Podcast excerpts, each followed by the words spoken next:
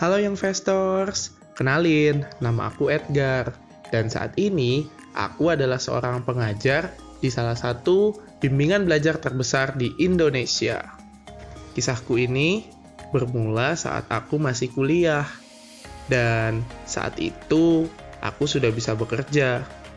Young Investors mau tahu bagaimana caranya mengelola waktu saat kuliah supaya bisa sambil kerja. Yuk, dengerin terus monolog episode kali ini bersama aku, Edgar.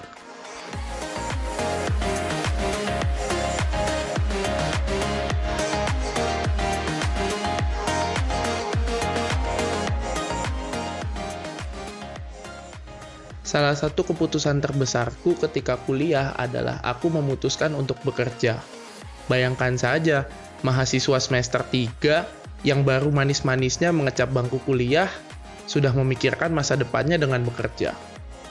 Banyak juga dari teman-teman aku yang menanyakan keputusanku, apakah aku yakin kalau aku akan bekerja saat aku masih berkuliah, apalagi saat masih sibuk-sibuknya. Saat itu, pilihan sebetulnya masih banyak. Aku tidak harus bekerja karena masih banyak organisasi yang aku geluti. Dan juga masih banyak kehidupan kampus yang belum aku selami. Sebenarnya, aku pribadi tidak merasa kekurangan secara finansial. Orang tuaku masih mampu membiayai aku kuliah, dan bahkan uang sakuku juga terbilang cukup. Lantas, mengapa aku memilih bekerja dengan situasi yang cukup seperti itu? Keputusanku ini aku buat karena aku memikirkan nanti setelah aku lulus dari bangku kuliah Pastinya, ketika kita masih berstatus fresh graduate, akan sangat sulit untuk mencari pekerjaan. Maka, aku akan memulainya saat aku masih berkuliah. Batinku waktu itu. Akhirnya, aku mendaftar di salah satu bimbingan belajar yang ada di kota Surakarta. Dan akhirnya cerita itu dimulai. Aku mulai bekerja di tahun 2017. Di awal masa kerja, aku rasa tidak ada yang menjadi masalah. Namun, semua itu dimulai ketika aku memasuki semester baru, yaitu semester 4. Di sinilah aku mulai juga dihadapkan dengan tantangan apakah aku ingin mengambil organisasi atau hanya sekedar menjadi mahasiswa kupu-kupu saja. Kuliah pulang, kuliah pulang. Hmm, bukan Edgar namanya, kalau tidak bandel dalam mengambil sebuah keputusan apa pun dia jalani. Akhirnya, aku memutuskan untuk mendaftar salah satu organisasi terbesar di kampusku. Betul sekali, Badan Eksekutif Mahasiswa Universitas 11 Maret. Saat itu, bahkan aku mendapatkan jabatan yang tidak main-main. Memang, aku tidak menjadi menteri, akan tetapi aku menjadi wakilnya. Wow, sebuah amanah yang baru dan cukup berat waktu itu. Ditambah lagi, organisasi-organisasi fakultas yang aku geluti juga masih membutuhkan pengalaman dariku. Karena wajar saja, semester 4 itu adalah masa di mana seorang mahasiswa itu mulai dianggap sebagai senior. Dan kalau yang investors mau tahu, saat itu aku menggeluti empat organisasi dengan rincian satu organisasi universitas dan tiga organisasi fakultas. Ditambah jam kuliah yang sedang sibuk-sibuknya, dan juga pastinya waktu bekerja. Bagaimana ya mengatur waktunya?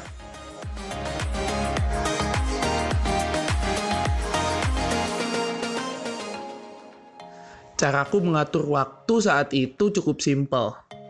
Aku hanya membuat skala-skala prioritas yang perlu aku lakukan setiap harinya Pastinya kuliah nomor satu dong. Buat apa aku jauh-jauh pergi ke Solo kalau bukan untuk berkuliah? Nah, setelah jam kuliah itu selesai, barulah aku akan melakukan hal-hal yang lain. Aku sadar, yang namanya pekerjaan itu bukanlah sebuah hal yang main-main. Memang, organisasi juga seperti itu. Akan tetapi, saat itu aku juga memikirkan bekerja demi masa depanku. Akhirnya, aku taruhlah bekerja dalam prioritas nomor dua. Setelah itu, baru aku mengurusi organisasi baik yang di tingkat universitas maupun di tingkat fakultas. Saat itu, aku rasa memang tidak bisa dikatakan efektif 100%. Karena pasti ada saja event-event yang aku lewatkan atau event-event yang mungkin saat itu aku tidak bisa maksimal di dalamnya. Ya, memang itu adalah konsekuensinya. Aku hanya satu orang yang harus dibagi menjadi enam. Dan itu bukan sesuatu yang sangat baik sebenarnya. Akan tetapi, patutlah untuk dicoba. Toh, hasilnya pun tidak main-main juga. CV yang baik dan pengalaman yang segudang pastinya akan kalian genggam. Jadi, aku rasa tetap ada hikmah di balik semua ini. Dan kalau yang investors mau tahu, efeknya akan terasa nanti setelah Young Investors lulus dari kuliah. Memang, aku tidak bisa bilang semua teman-temanku menganggur. Tetapi, kalau dibuat presentasi, hmm, sekitar 40% sampai 50% teman-temanku itu masih menganggur. Ya, dengan rincian, menganggur itu benar-benar tidak memiliki pekerjaan. Ada juga sih teman-temanku yang bekerja sebagai freelance, atau mungkin mereka yang sudah mendapatkan pekerjaan tetap.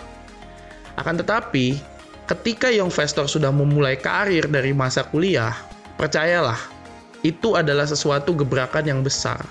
Young investors tidak memikirkan masa saat young investors berkuliah saja, akan tetapi young investors juga memiliki pikiran untuk ke depan-ke depannya.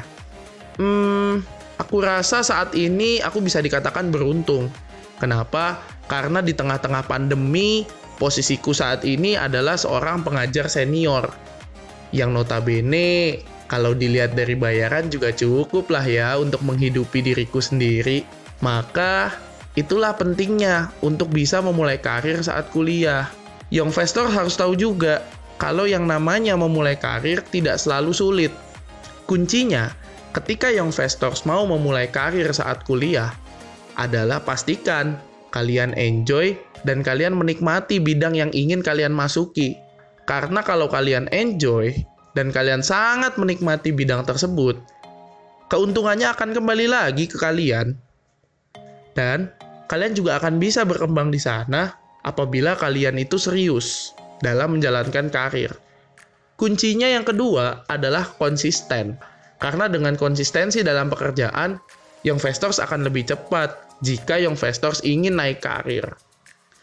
Aku rasa Sepertinya sudah cukup yang bisa aku bagikan kepada kalian. Mungkin jika nanti ada lagi pengalaman-pengalaman yang unik, aku pastikan aku akan share ya kepada kalian, tapi di episode lain waktu. Hmm, sekian juga tips dariku, dan semoga bisa bermanfaat untuk young investor sekalian.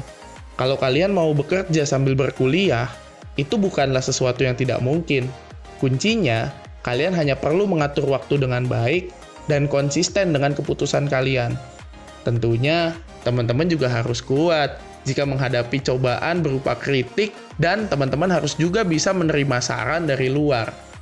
Segitu saja ya yang dapat aku sampaikan di episode kali ini. Salam I am community, I am smart, I am capable.